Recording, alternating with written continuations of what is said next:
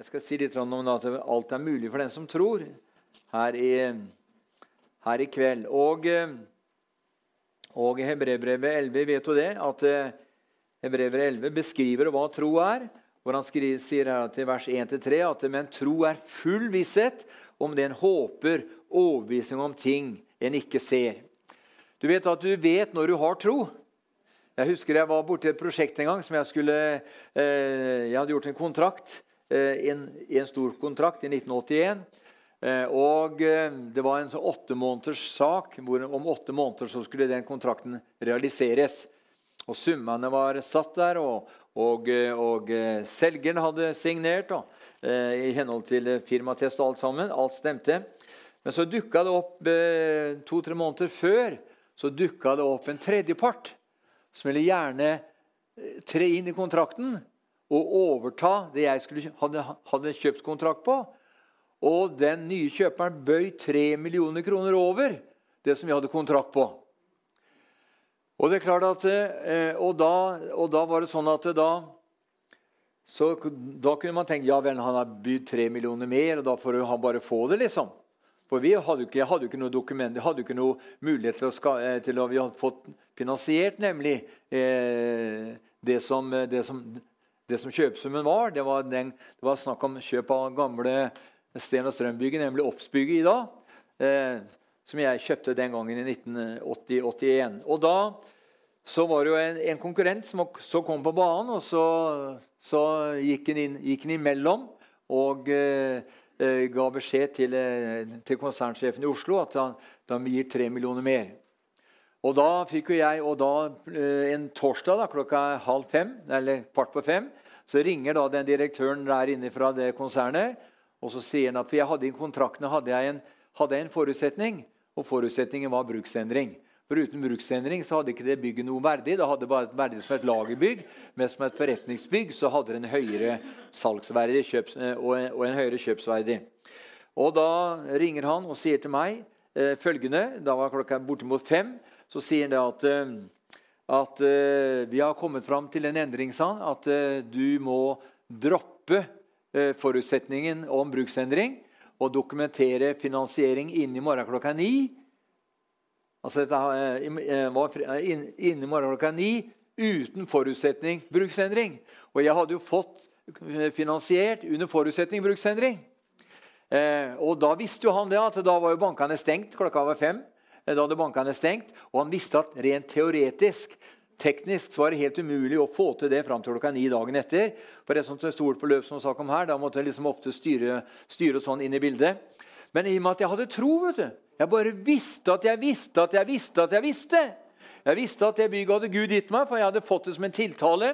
Eh, når jeg bodde borte på Grålum og sto der hver morgen, så sto jeg sånn og, og løfta hendene over Sarpsborg og ba til Gud om at uh, Gud skulle velsigne rådmannen og ordføreren og, og kommunestyret. Og, og, uh, og, jeg så liksom på en måte ild over byen.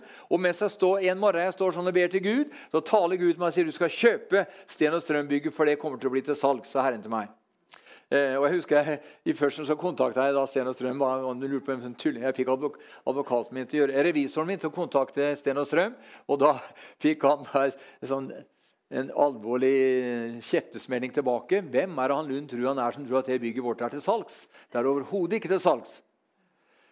Det var, det var, oppstarten til det, men jeg visste det var til salgs. Jeg hadde hørt Den hellige ånd hadde sagt det.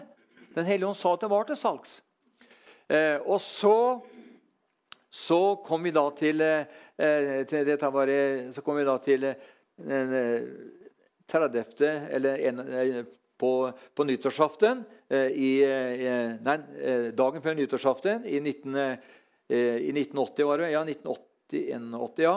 Så, så får jeg en tanke om jeg skal ringe inn til direktøren der inne og ønske, en god, ønske en godt nytt år.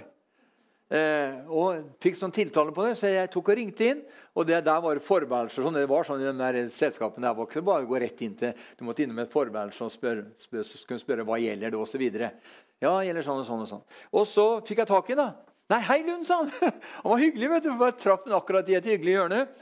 Og så, så, så, så spurte han at ja, han lurte på hvordan julehandelen hadde gått. og en med andre og sånn.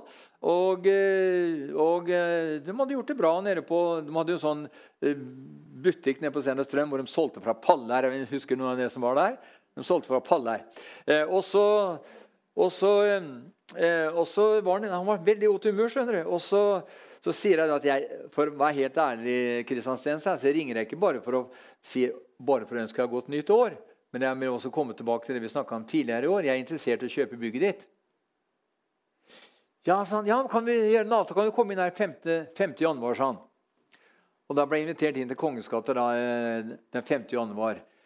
Og, eh, da, og, da, ble jeg med han inn. Eller ble, så kom jeg inn til han, og der var det han hadde sånn forværelse på det kontoret sitt. Den gamle klassen hvor det var teakmøbler og tunge eike, eikeinnredninger og sånn.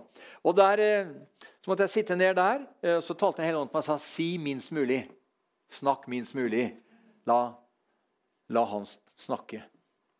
Og så eh, kommer de med server, eh, servering. Han var også sånn eh, Han representerte også han var, Det var Thailand eller Filippinene hadde ikke noen ambassade, men han var sånn d'affaires, det heter i Norge, for Filippinene. Og Han hadde bl.a. en del import med te og sånn fra Filippinene. Så han lurte på om jeg ville smake på teen. da. Og så kom de inn med sånne ordentlige sånne, sånne krukker eller sånne kanner, med sånne tekanner. Og så fikk jeg da smake te, og så var det eh, rundstykke, stort rundstykke. Men et, og et, kunne velge mellom geitost og gulost. da. Eh, og, eh, og så, spis, mens vi satt der og spiste det, da, så satt vi og prata. Da. Og jeg hadde jo fått en, fått en sum i mitt hjerte hva jeg, skulle, eh, hva jeg skulle kjøpe den eiendommen for. Dette var året før jeg fikk finansiert. For det begynte et år før. da. Og så, og så sier jeg til ja, jeg, jeg er, jeg er vi, vi, kan tenke oss å selge sånn. Vi kan tenke oss å selge. Men eh, prisen den er 25, sa han. Og jeg hadde, hadde, 22. Jeg visste jeg skulle få på 22.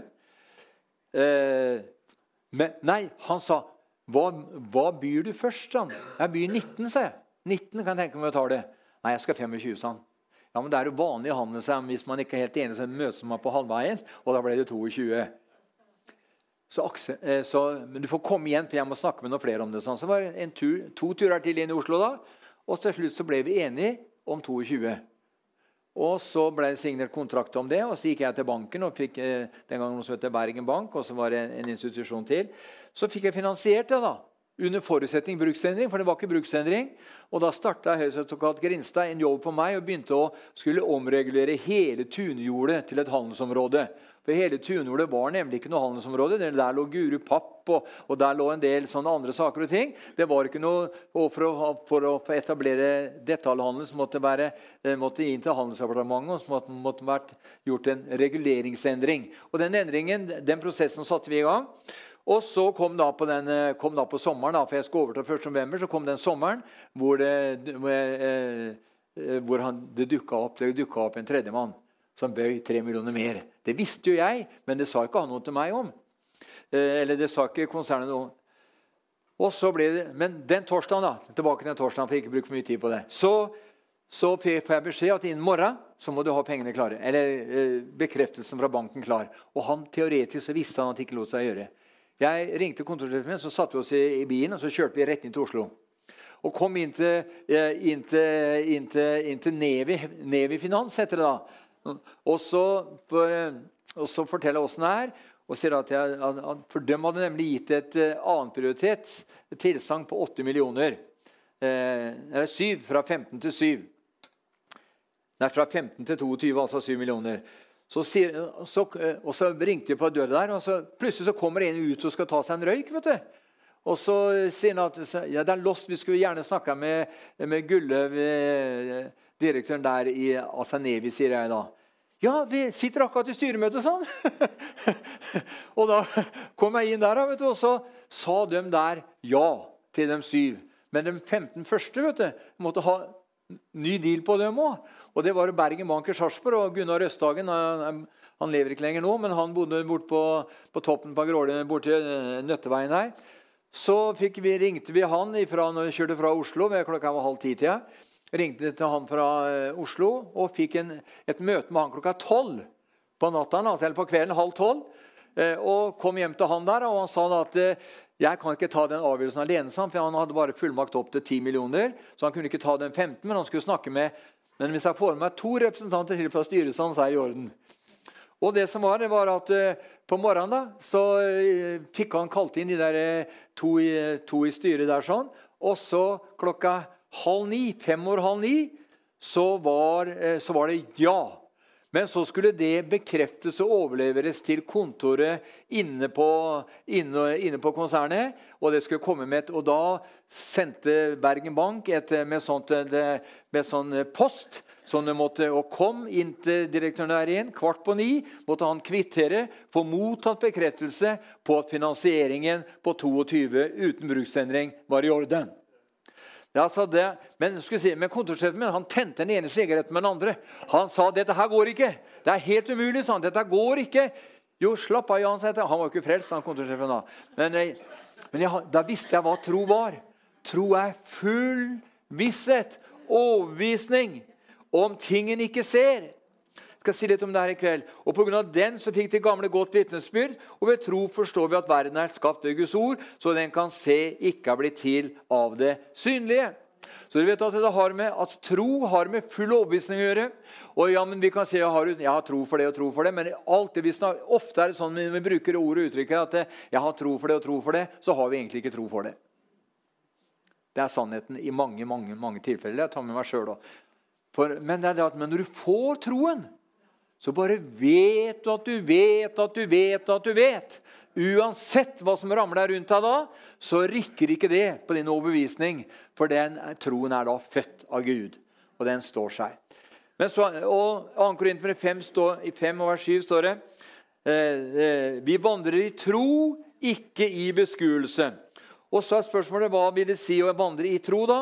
Jo, jeg, eh, jo, eh, jeg delte noe, noe, av det med den eh, oppsbygget. Altså, etter hva ditt indre øye ser, og dine indre ører hører.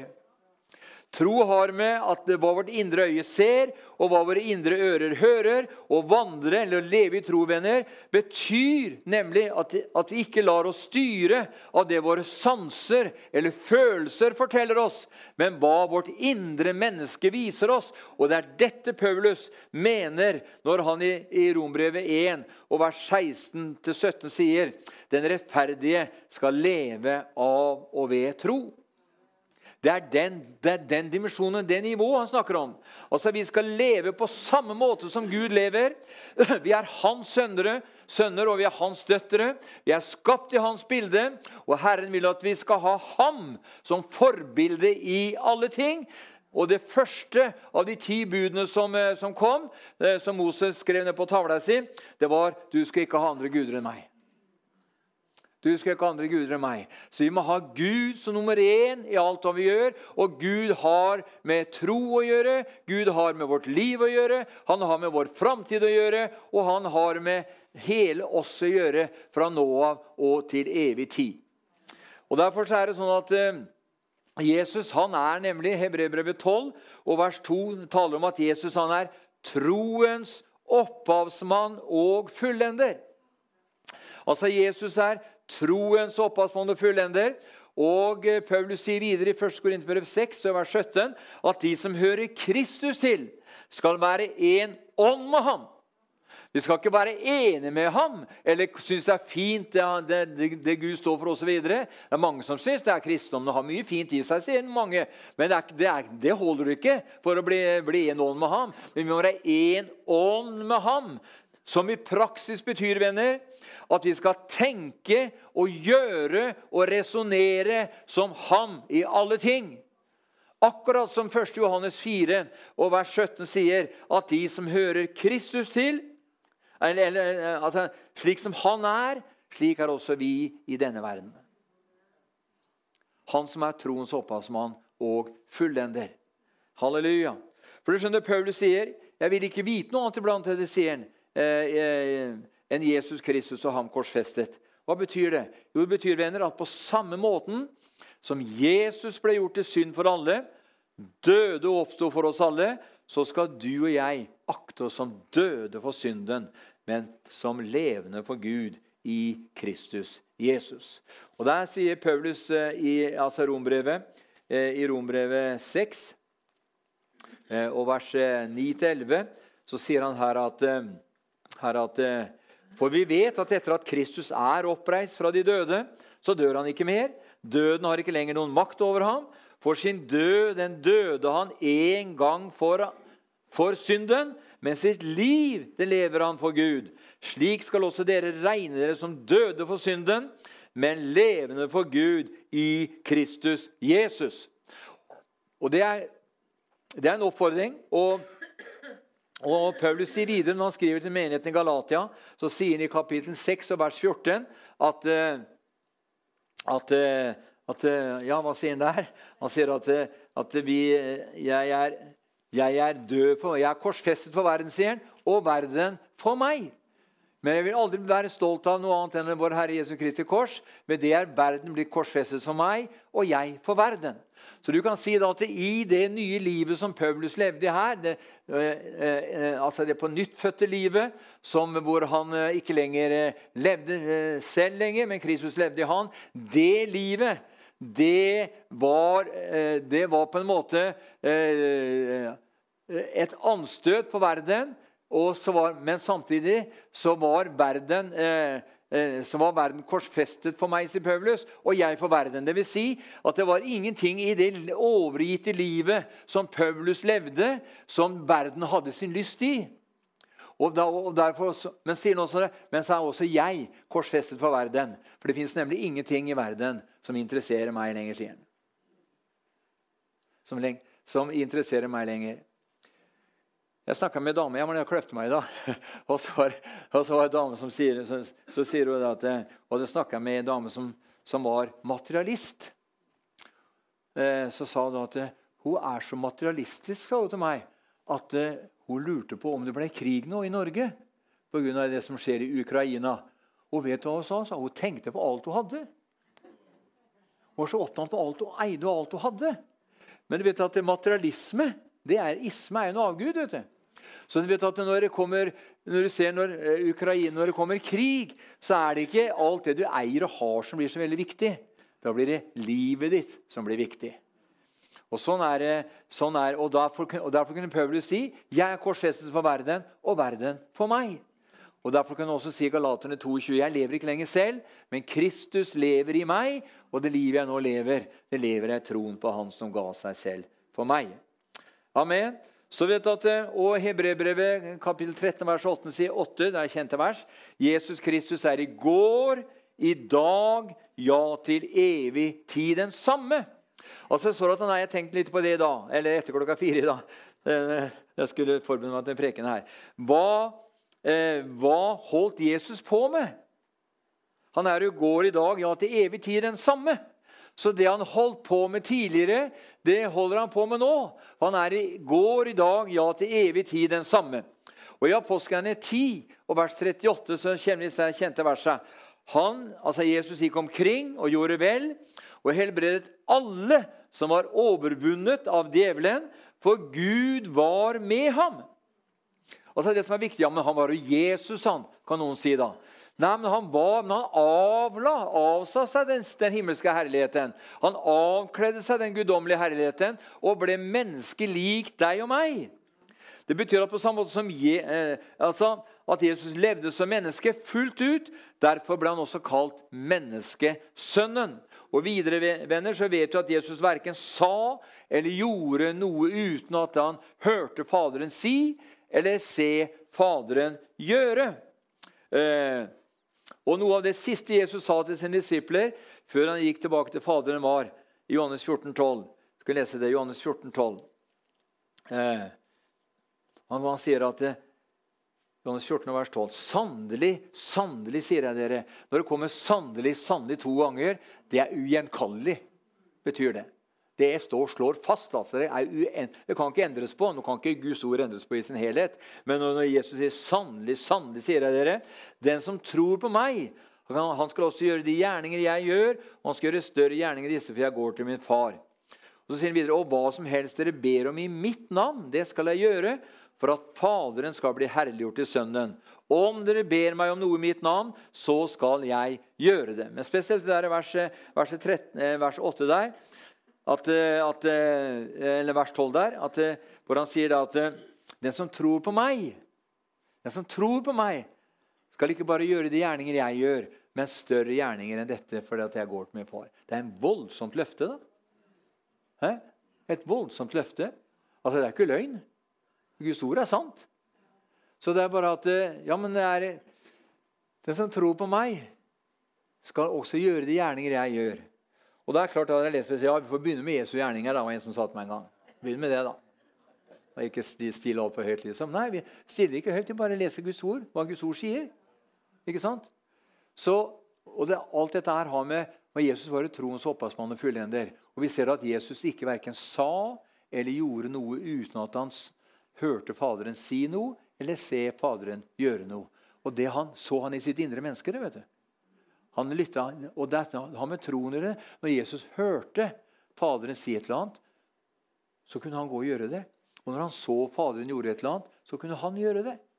Og, det her, og Derfor sier han at den som tror på meg, skal ikke bare gjøre gjerning jeg gjør, men større enn disse, for jeg går til min far. Og så er dette her, Eigar nevnte dette, Ingenting er umulig for Gud. vet du. Og heller er ingenting umulig for den som tror. Og Vi ser at i, i første Mosebok kapittel 18 vers 14 så står det Skulle noen ting være umulig for Gud? Det ble sagt i forbindelse med Abraham og Saras sønn som skulle komme, når all menneskelig løsning var umulig. Så ble det sagt skulle noen ting være umulig for Gud. Første Mosebok 18 og 14. Og Lukas sier i Lukas kapittel 1 vers 37 ingenting er umulig for Gud. Og det er vi jo alle enig i. Det er klart, Ellers hadde han ikke vært Gud. For en som er Gud, den allmektige, for han er ingenting umulig. Ingenting er umulig for Gud.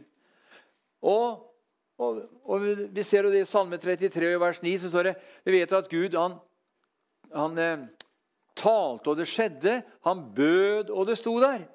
Så vi vet at, når, at Gud taler det som ikke er til, så må det bli, som det blir til. Og Abraham, er vår far i troen, han, eh, han refereres av Paulus i Romerbrevet 4 og i, eh, i, vers, eh, i vers 17. I Romerbrevet 4 og vers 17 så refererer Paulus til, til, til, Abrahams tro, hvor han sier her slik det står skrevet til far for mange folkeslag, har jeg satt deg.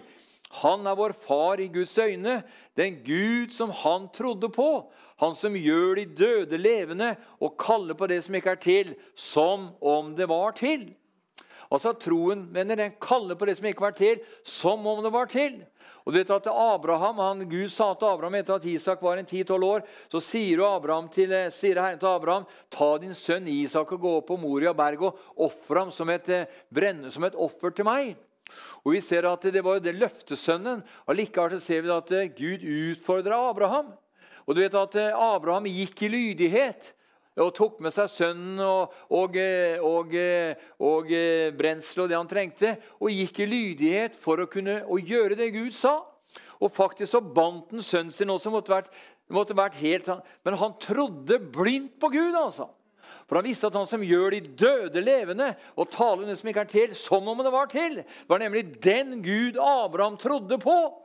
Og Derfor ble også Abraham, Abraham regnet til, til altså rettferdig for at han trodde Gud. Og så ser vi da at når Abraham tar kniven og, skal, eh, og ser Guttungen stiller spørsmålet far, hvor er ofrene osv. Og, så og så ser hun Abraham tar kniven. Hadde, hvis ikke Gud hadde stoppa han, så hadde han drept sønnen sin.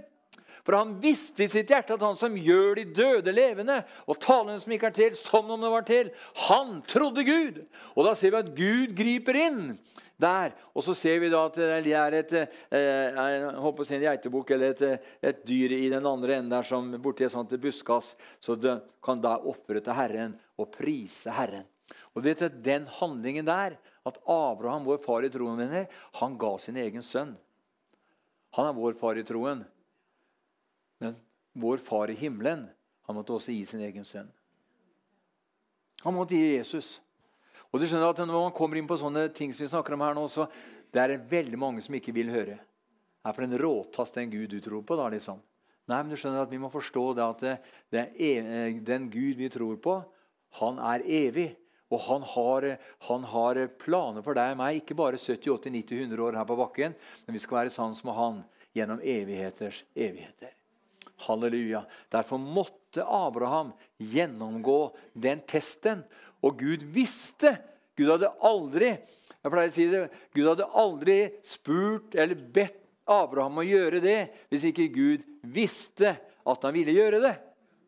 Og Der ble det der synlige tegnet, og da, eh, og, da, og da, ser vi at Gud grep inn. Og Abraham han er vår far i troen, på samme måte som, eh, som Gud er Kristi far. Og så ser vi da at både Abraham måtte ofre sin sønn eh, Isak, den førstefødte, og den førstefødte med Sara. Og, og Gud måtte ofre sin førstefødte sønn for at du og jeg ved troen på det fullbrakte verket som Jesus tilveiebrakte, skulle få adgang til evig liv. Halleluja. Evig liv. Evig liv. Arne Bakken fortalte at de hadde, det var på 70-tallet. De var jo tennsenter, altså reiste de litt rundt og så hadde, skulle de lage sånne skilter. vet du, reklameskilter. Vi hadde et svært skilt som vi brukte på Folkets hus, som vi kalte 'Sammen skal vi seire'. Og så hadde vi et på første året eller andre året på Borg som vi kalte at 'Gud vil deg det beste', som hang over hele, som hang over hele plattforma der. Og så eh, sier Arne Bakken, som var han og Tormod var vel, som var inne på et, altså på et reklamebyrå i Oslo og så skulle de, skulle de trykke, trykke, noen brosjyrer. Ja, hva skal headingen på brosjyra være? da, spurte han, der, han i reklamebyrået. Jo, det skal være at eh, evig liv. Oi, sa han. Var jo ikke, hadde, han, da, da, da hadde kanskje han nesten hørt om engang. Ja, det var et godt budskap, sa han. Evig liv. Ikke sant?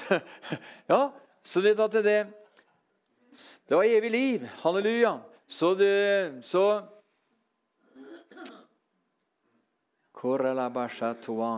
Så når Gud talte, og det skjedde, han bød, og det sto der, og han sier i Rombrevet 4,17 her Han som taler det som ikke er til, som om det var til, og det blir til. Sånn er det med troen, venner. Den taler det som ikke er til, som om det var til, og det blir til. Ja, men da er det overnaturlig. Da, ja, det er overnaturlig. For troen er overnaturlig. Den er overnaturlig, den. Den er over mitt, mitt vett. Eh, og den ligger langt over vår forstand. Og eh, i, eh, i Markus 1, eller 9, 23 så leser vi at Jesus sier at alt er mulig for den som tror. Dette betyr venner, at dersom vi tror, så er det samme som er mulig for Gud, er mulig for deg og meg. Og på samme som alt er mulig for Gud, så er alt mulig for den som tror. Det vil si ingen begrensning. Ja, men Vi kan vi ikke ha så mye tro som Gud? Nei, jeg bare sier at det der, Guds ord sier det. Alt er mulig for Gud, og alt er mulig for den som tror.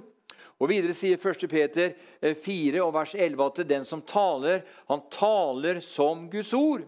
Venner, troen vår bygges opp ved å omgås Ham, som er troens opphavsmann og fullender. Og Det er nemlig derfor Jesus sier, eh, sier i Hebrevet 4 vers 12 også, hvor han sier at eh, for Guds ord er levende Eh, i, i Hebrevet 4, vers 12. For Guds ord er levende og skarpere og virksomt.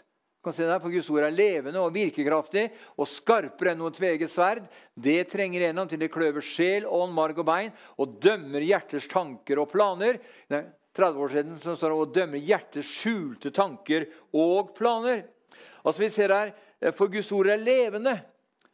Altså, levende tro, venner, må ha levende mat. Og hva slags mat er det? Det er Guds ord. For Guds ord er levende og eh, virkekraftig og skarpere enn noe tveget sverd. Og Derfor sier Jesus til Matteus 4,4 at mennesket lever ikke av brød alene, men av hvert ord som går ut fra Guds munn. Det betyr ganske enkelt venner, at, eh, at vi må spise Guds ord, for Guds ord er levende. Eh, Guds ord er levende, for Guds ord er levende og virksomt.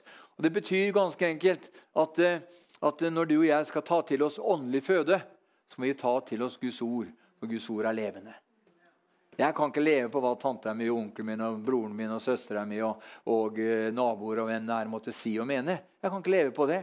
Jeg kan ikke handle på det de sier heller. Men jeg må sjøl oppleve det i mitt eget hjerte. Og når noen kan godt komme noen og bekrefte med profeti og sier at uh, de tanker du har om akkurat det, det er fra meg, sier Herren. Ja, Ja, det, da, da, Men da må det stemme overens med det jeg først fått i mitt hjerte.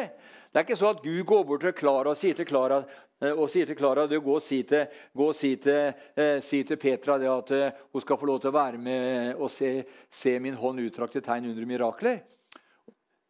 Men hvis ikke Petra har hørt det før, da, så er, så er det ikke noen annen Den hellige ånd vet du, som, som viser Den hellige ånd har sagt det til Petra tidligere. da, vet du. Eller til Klara, holdt jeg på å si.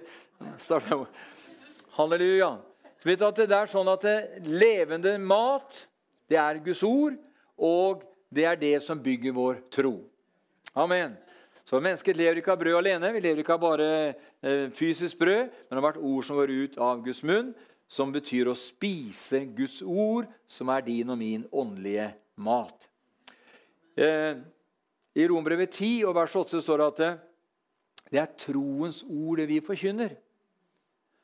Og hva er troens ord? Jo, troens ord det er Guds ord. det. Han sier det her eh, i Romerbrevet 10, og, og, i vers eh, 8 så sier han her Men hva sier den? Hvem er det som taler her? Jo, rettferdigheten av tro. Hva sier rettferdigheten av tro? Ord er deg nær, i din munn og i ditt hjerte. Det er troens ord, det vi forkynner. Altså, Troens ord er det vi forkynner, for det er nemlig ordet som har kraft i seg til å skape tro. Det er ikke mine ord og mine utledninger og min forståelse av saker og ting som skaper tro, men det er Guds ord som skaper tro. Og Det er en av årsakene til at jeg bruker veldig mye, altså si mye, altså mye skriftsteder. fordi at det, det, er ordet, når det får lov til å virke i oss og en som ikke sitter i syndere seter eller spotteres hus, men har sin lyst i Herrens, i Herrens, ord og grunner på Hans ord dag og natt, eller Hans lov. Han skal like tre planter til rinne bekker som gir sin frukt i sin tid. Og alt hva den personen gjør, skal lykkes for ham. Så det å grunne på ordet, det er nemlig det som skaper tro. Halleluja. Og Derfor så, eh, derfor så sier Hebrevbrevet 10 og vers 38-39 Vi skal lese Hebrevbrevet 10. Hebrebrevet Hebrevbrevet 10 og vers 38-39 så står det her men en rettferdig av tro skal leve. Og dersom han unndrar seg, har min sjel ikke behag i ham. Det er et veldig alvorlig ord. Men vi er ikke blant dem som unndrar oss og går fortapt. Vi er av dem som tror til sjelens frelse. Hva betyr det? Jo, det betyr men en rettferdig av tro skal leve. Men dersom han, den rettferdige unndrar seg, så har min sjel ikke lenger behag i ham. Men vi er ikke blant dem som unndrar oss og går fortapt. Vi er av dem som tror til sjelens frelse. Halleluja. Den rettferdige av tro skal leve, og dersom han, ikke, dersom han ikke vil tro, så mister han Guds velbehag. Det er det det består egentlig.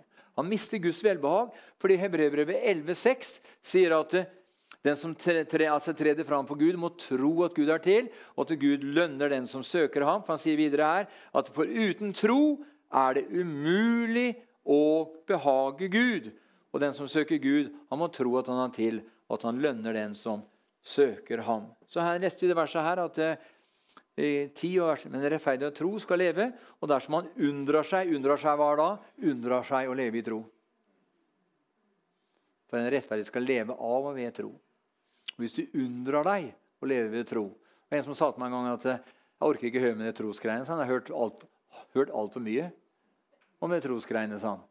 Han bare avslørte én ting. Han har ikke hørt nok. Han har ikke fått tak i det. Nei. For alt er bygget på tro. Alt bygger på tro. Det bygger ikke på følelser, bygger ikke på hva jeg måtte mene og ikke mene, men det bygger på tro, eh, ord, åpenbart i vårt indre menneske som et resultat av ditt og mitt fellesskap med Jesus Kristus, han som er veien, sannheten og livet. Så utgangspunktet venner, for at Guds ord sier at eh, Gud krever tro for å lønne oss, er på ingen måte urettferdig. Fordi alle som er frelst, har tro. Har en viss grad av tro. skjønner du. Han sier det når han skriver til, eh, til menigheten i Rom.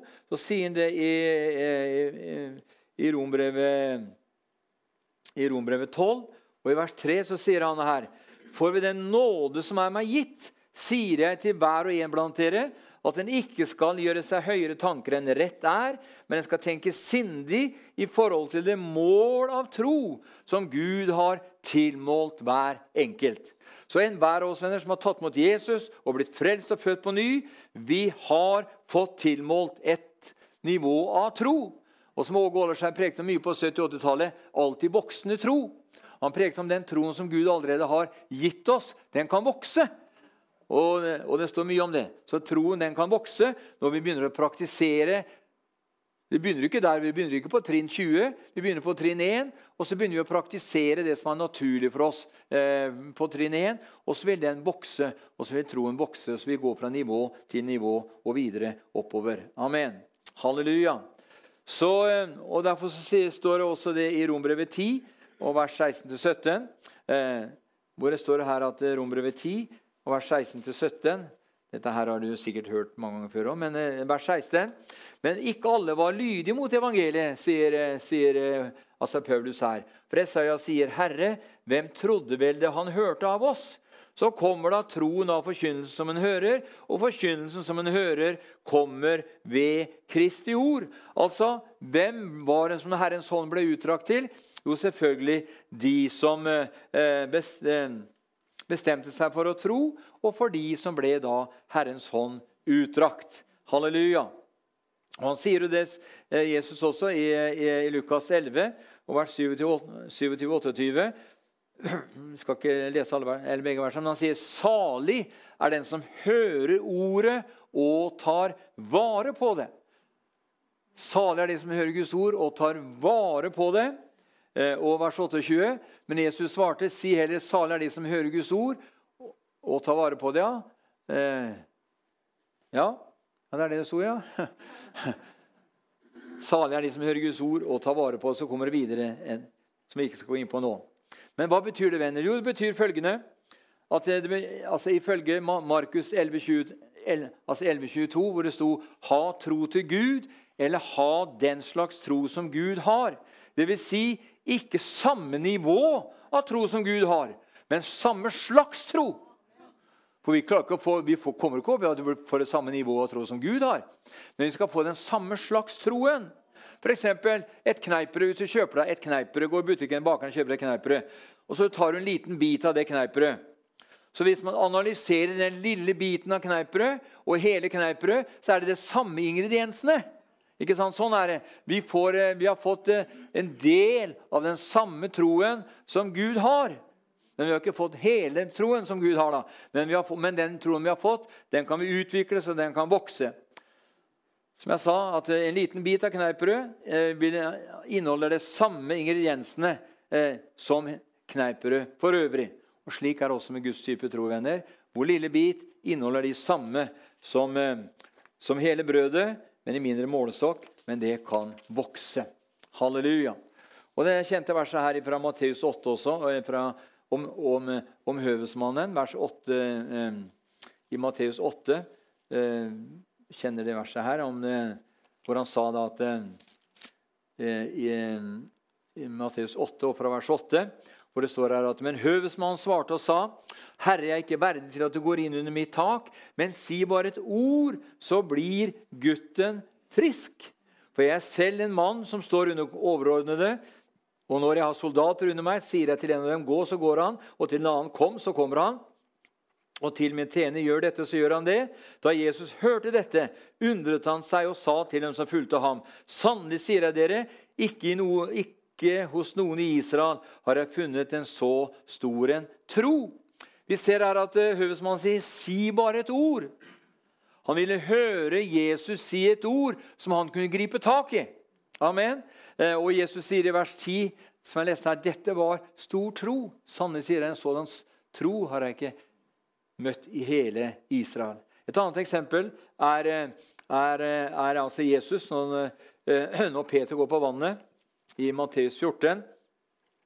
Eh, Åge fortalte meg at, vi hadde jo, at han, eh, han alltid, hadde aldri likt dette her at folk hadde alltid bildene med Jesus på vannet og Peter oppe å synke. Men han fikk en maler til å male et maleri hvor både Jesus og Peter begge går på vannet. For sannheten var at Peter gikk på vannet.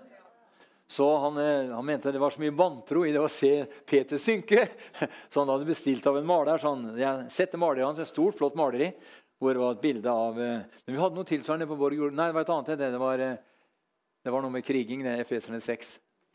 Men eh, eh, hvis dere her at i, Efes, nei, i Matteus 14, da, og fra vers, vers 25 eh, til vers 30, så leser vi her men i den fjerde nattevakt kom han til dem gående på sjøen. Da disiplene fikk se ham der han gikk på sjøen, ble de slått av skrekk og sa, 'Det er et spøkelse', og de skrek av redsel. Men Jesus talte straks til dem og sa, 'Vær ved godt mot, det er meg. Frykt ikke.' Da svarte Peter ham og sa, 'Herre, er det deg? Da byd meg å komme til deg på vannet.' Jesus sa, 'Kom.' Og Peter steg ut av båten og gikk bortover vannet mot Jesus. Han steg, men da han eh, men da han så det veldig uværet, ble han redd og begynte å synke. Da ropte han, 'Herre, frels meg.' Men vi ser her at Peter sa, 'Er det deg, Jesus, så byd meg å komme til deg.' Altså det kan, at Peter måtte ha et ord av Jesus som han kunne handle på. og Så handler han på det, og i vers 29 så ser vi Jesus sier 'kom'. og Da gikk Peter ut av båten og gikk bortover på vannet mot Jesus. Det var det han gjorde. Eh, og For at du og jeg skal gå ut av båten, må vi høre, venner. Det må være noe som, være noe som eh, skaper tro. Guds ord, eller logos, er, Guds, er, er, egentlig Guds tale til oss. Men det er når logos blir levende, at det blir et rema. Ikke sant? Og det er når det inntreffer, når rema-ordet inntreffer, at vi må handle. Derfor må vi huske på at det er forskjell på ordet logos og ordet rema, som betyr Ordet rema betyr levende. Gud taler til deg og meg gjennom sitt ord og ved sin ånd. Halleluja. Vi har det andre eksempelet også, i Matteus 15, og fra vers 21 med den kanonittiske kvinnen. Eh, hvor det står her at Så brøt Jesus opp derfra og dro bort til bygdene ved Tyrus og Sidon. Og se en kanoneisk kvinne fra disse traktene kom og ropte til ham og sa:" Herre, du Davids sønn, miskunn deg over min datter. Plages ille av en ond ånd. Men han svarte henne ikke et ord. Hans disipler kom da og kom da og bad ham og sa, 'Vis henne bort, for hun går og roper etter oss.' Men han svarte og sa, 'Jeg er ikke utsendt til andre enn de fortapte får av Israels hus.' Da kom hun og falt ned for ham og sa, 'Herre, hjelp meg.' Han svarte, 'Det er ikke pent å ta brødet fra barna og kaste det til de små hundene.' Men hun sa, 'Det er sant, Herre, men de små hundene eter jo av smulene som faller fra bordet hos deres herrer.' Da sa Jesus til henne, 'Kvinne, din tro er stor. Det skal skje deg som du vil.' Og hennes datter ble helbredet fra samme stund. Vi ser her hun får også det vitnesbyrdet fra Jesus som høvesmannen fikk.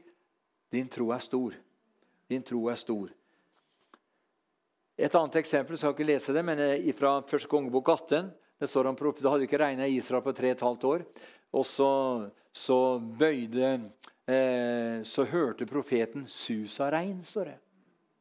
Og da bøyde han seg ned. Han står egentlig at han bøyde seg med sitt hode mellom sine knær. Og så ba han til Gud om at regnet måtte komme. Og, så han, og når han holdt, syntes han holdt på lenge nok, så sendte han drengen opp på fjelltoppen og skua utover havet, eller utover horisonten. Og det var Full sol og krystallklart vær. Men han ba igjen og igjen og igjen, inntil den syvende gangen. Da ser vi da at da så han en sky i horisonten så stor som en manns underarm. Og Da sier han til Akab nå kan du sadle hestene, for nå kommer regnet. Og i et nu, i et øyeblikk, så sortna himmelen til, og regnet kom. Men det egentlig, hva var det hva var det som skjedde da? Jo, profeten hørte Elias hørte suset av regn.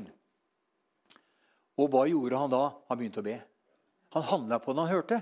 Han kunne hatt en konferanse i Jerusalem han hadde sagt at eh, i kveld skal vi snakke om å høre sus av regn. Han gikk straks inn i forbønn. Og så ba han fram det som det suset innvarsla. Og regnet kom. Og så er spørsmålet her i kveld hva gjør du og jeg med det vi hører? Gjør vi noe med det vi hører? Hvis det er over... Eh, ja, bare, bare, bare spørsmål. Jesus sa, 'Salig er den som hører mine ord og tar vare på dem' 'og gjør etter dem'. Det som ofte er så lett for å vippe, deg, eh, vippe oss av pinevenner etter at Jesus har sagt noe, er omstendighetene. Vi ser f.eks. Den, den beretningen i Lukas 8, og vers 22-25, hvor Jesus taler om det at la oss sette over til den andre siden.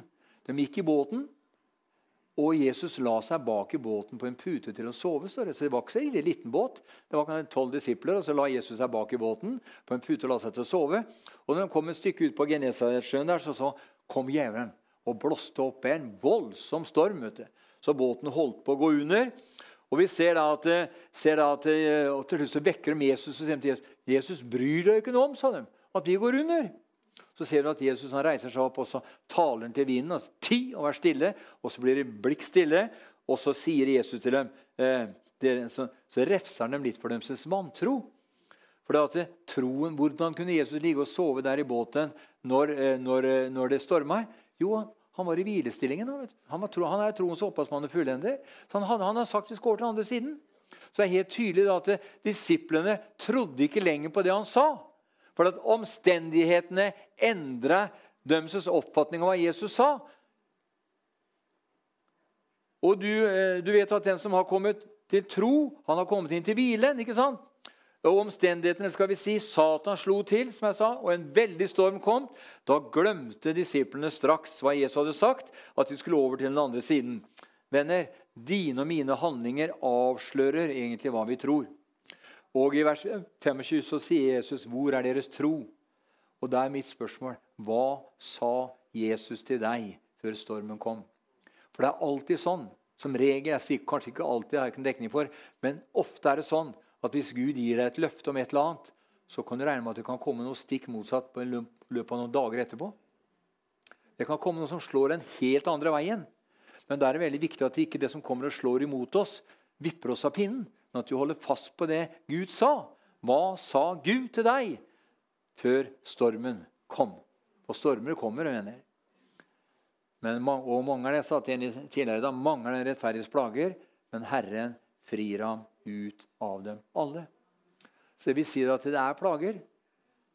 Det er plagsomt å gå med smertereigar. Ja, men vi holder fast på at Herren frir oss ut. skjønner du. Ja, Hvor lenge skal gå? da? Kan, kan bli irritert. vet du. Nei, det skal ikke bli det. Men vi vil bare ta, prise Herren vi, under alle forhold. Og plutselig da så, så er det der. Amen. Halleluja. Jeg sa til Herren at du kan ikke liksom ordne skuldra mi først. Herre, så, kan, så kan du liksom ta, det, ta det andre, de tre andre tinga etter hvert. Og mens jeg sa det, så kjente jeg på det at han, er, han kan gjøre langt mer. vet du. Nei, herre, sa jeg, jeg trekker det tilbake om bare skuldra mi. Hele meg. Ja, han er mektig til å gjøre langt mer enn det du, og jeg er sånn til å fatte og forstå og be ham om. Halleluja. Jesus sier i Lukas 6,46.: Dere kaller meg Herre, Herre, og ikke gjør hva jeg sier. Jesus, eh, hvis Jesus er herrevenner i ditt og mitt liv, så adlyder vi. Jeg snakker nå, da, da må jeg adlyde. Hvis ikke jeg adlyder hvis jeg kaller Jesus herre, og han ber meg om å gjøre noe, og jeg ikke gjør det, så er han ikke min herre. Så radikalt er, så radikalt er evangeliet. Men det er det radikale evangeliet som Smith-Wigglesworth og, eh, og eh, Barrat og disse guttene der gikk på. De handla på det som Gud ba dem om å gjøre og handle på. Halleluja. Det står her i Lukas 6 fra vers 46. Han er, han er lik en eh, eh Vi ser om han som, som, som, at den som hører og gjør etter det han hører, han er lik en som bygger sitt hus på fjell osv. Så, eh, så tar vi et eksempel her på, eh, på den blinde Bartimeus i, i, Markus. Eh, I Markus 10 så ser vi her at i Markus 10 og vers 46 så står det her at de kom til Jeriko, og da han drog ut fra Jeriko sammen med sine disipler og en stor folkemengde, satt Tim, Timeus, sønn Bartimeus, en blind tigger ved veien. Da han hørte at det var Jesus fra Nasaret, begynte han å rope, 'Jesus, du Davids sønn, miskunn deg over meg.' Mange truet ham for å få ham til å tie, men han ropte bare enda høyere. Du Davids sønn, miskunn deg over meg. Jesus sto da stille og sa, kall ham hit. Og de ropte på den blinde og sa til ham, vær frimodig, stå opp, han kaller på deg. Han kastet kappen av seg, sprang opp og kom til Jesus. Jesus tok så til orde og sa til ham, hva vil du jeg skal gjøre for deg? Den blinde sa til ham, Rabuni, at jeg må få synet mitt igjen. Jesus sa til ham, gå bort, din tro har frelst deg. Og straks fikk han synet igjen og fulgte Jesus på veien, står det her. Eh, i, og fulgte Jesus på veien, leste i, står i Markus 16 her. Det er Markus 10 her. Altså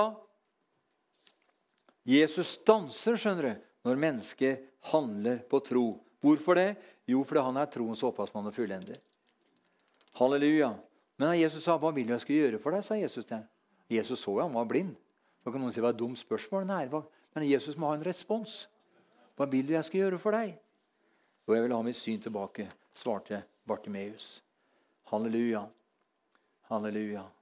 Og Herren sier også til deg her i kveld, 'Hva vil du jeg skal gjøre for deg?' Hva vil jeg skal gjøre for deg?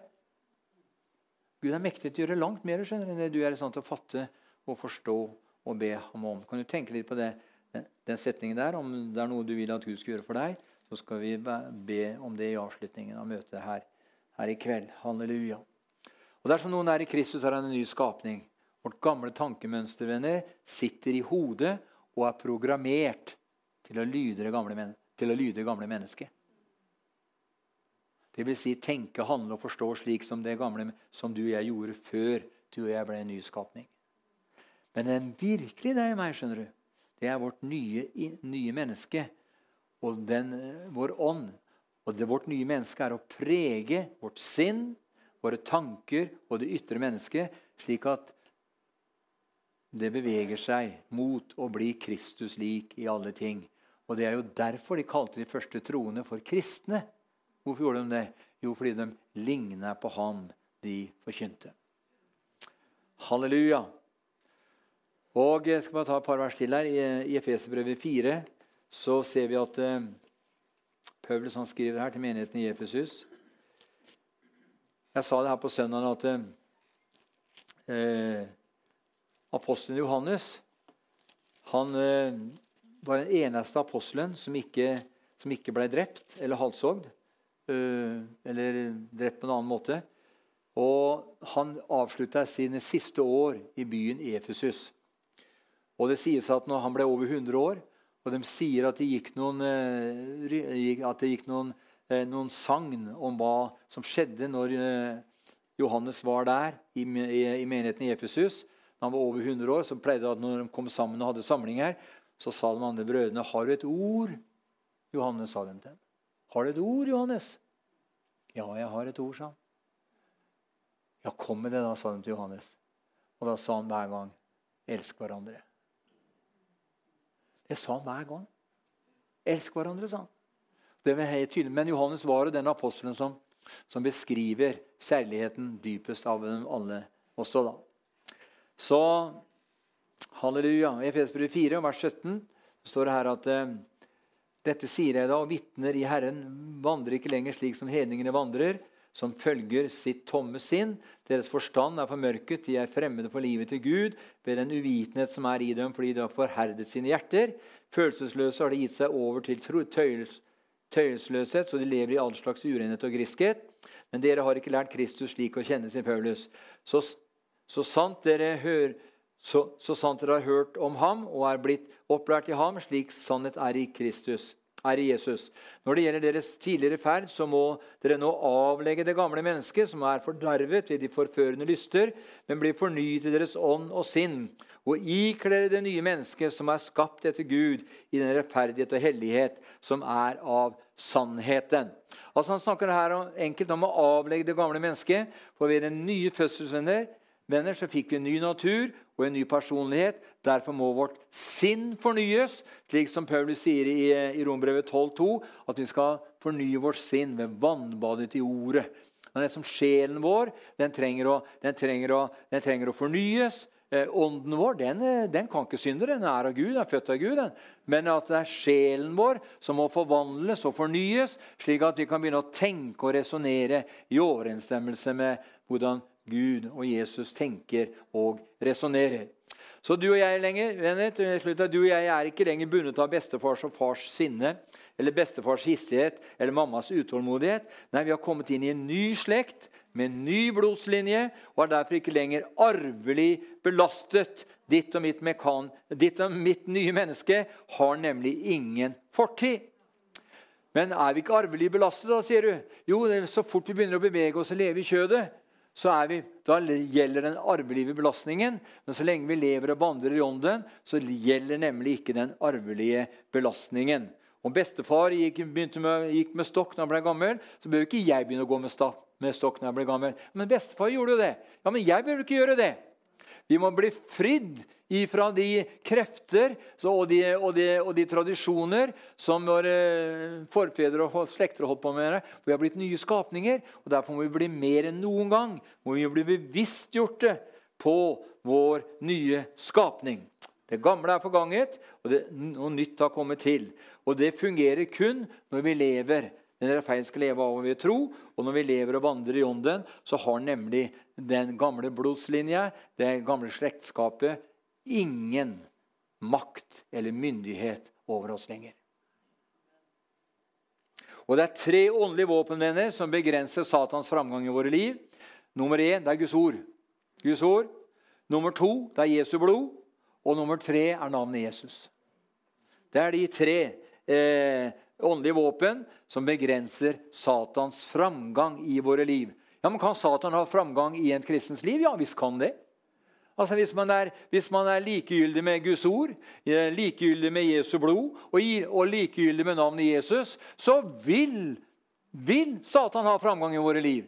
Men dersom vi er nøye, nøye, på Guds ord, vi er full visshet på hva Guds ord betyr, vi er full bevissthet på, på hva Jesu blod betyr Det beskytter og det renser og fornyer og istandsetter osv. Og, og vi er full bevissthet eh, og vi er full bevisst på hva navnet Jesus betyr, nemlig navnet over alle andre navn. Amen. Som vi er kalt til å bruke i et hvilket som helst eh, strid. Så har Jesus gitt oss sitt navn, for vi det navnet var i en sang her også. som var her, det, eh, At, at eh, ethvert kne skal bøye seg og bekjenne at Jesus Kristus er Herre i, i Jesu Kristi navn til Guds Faders ære.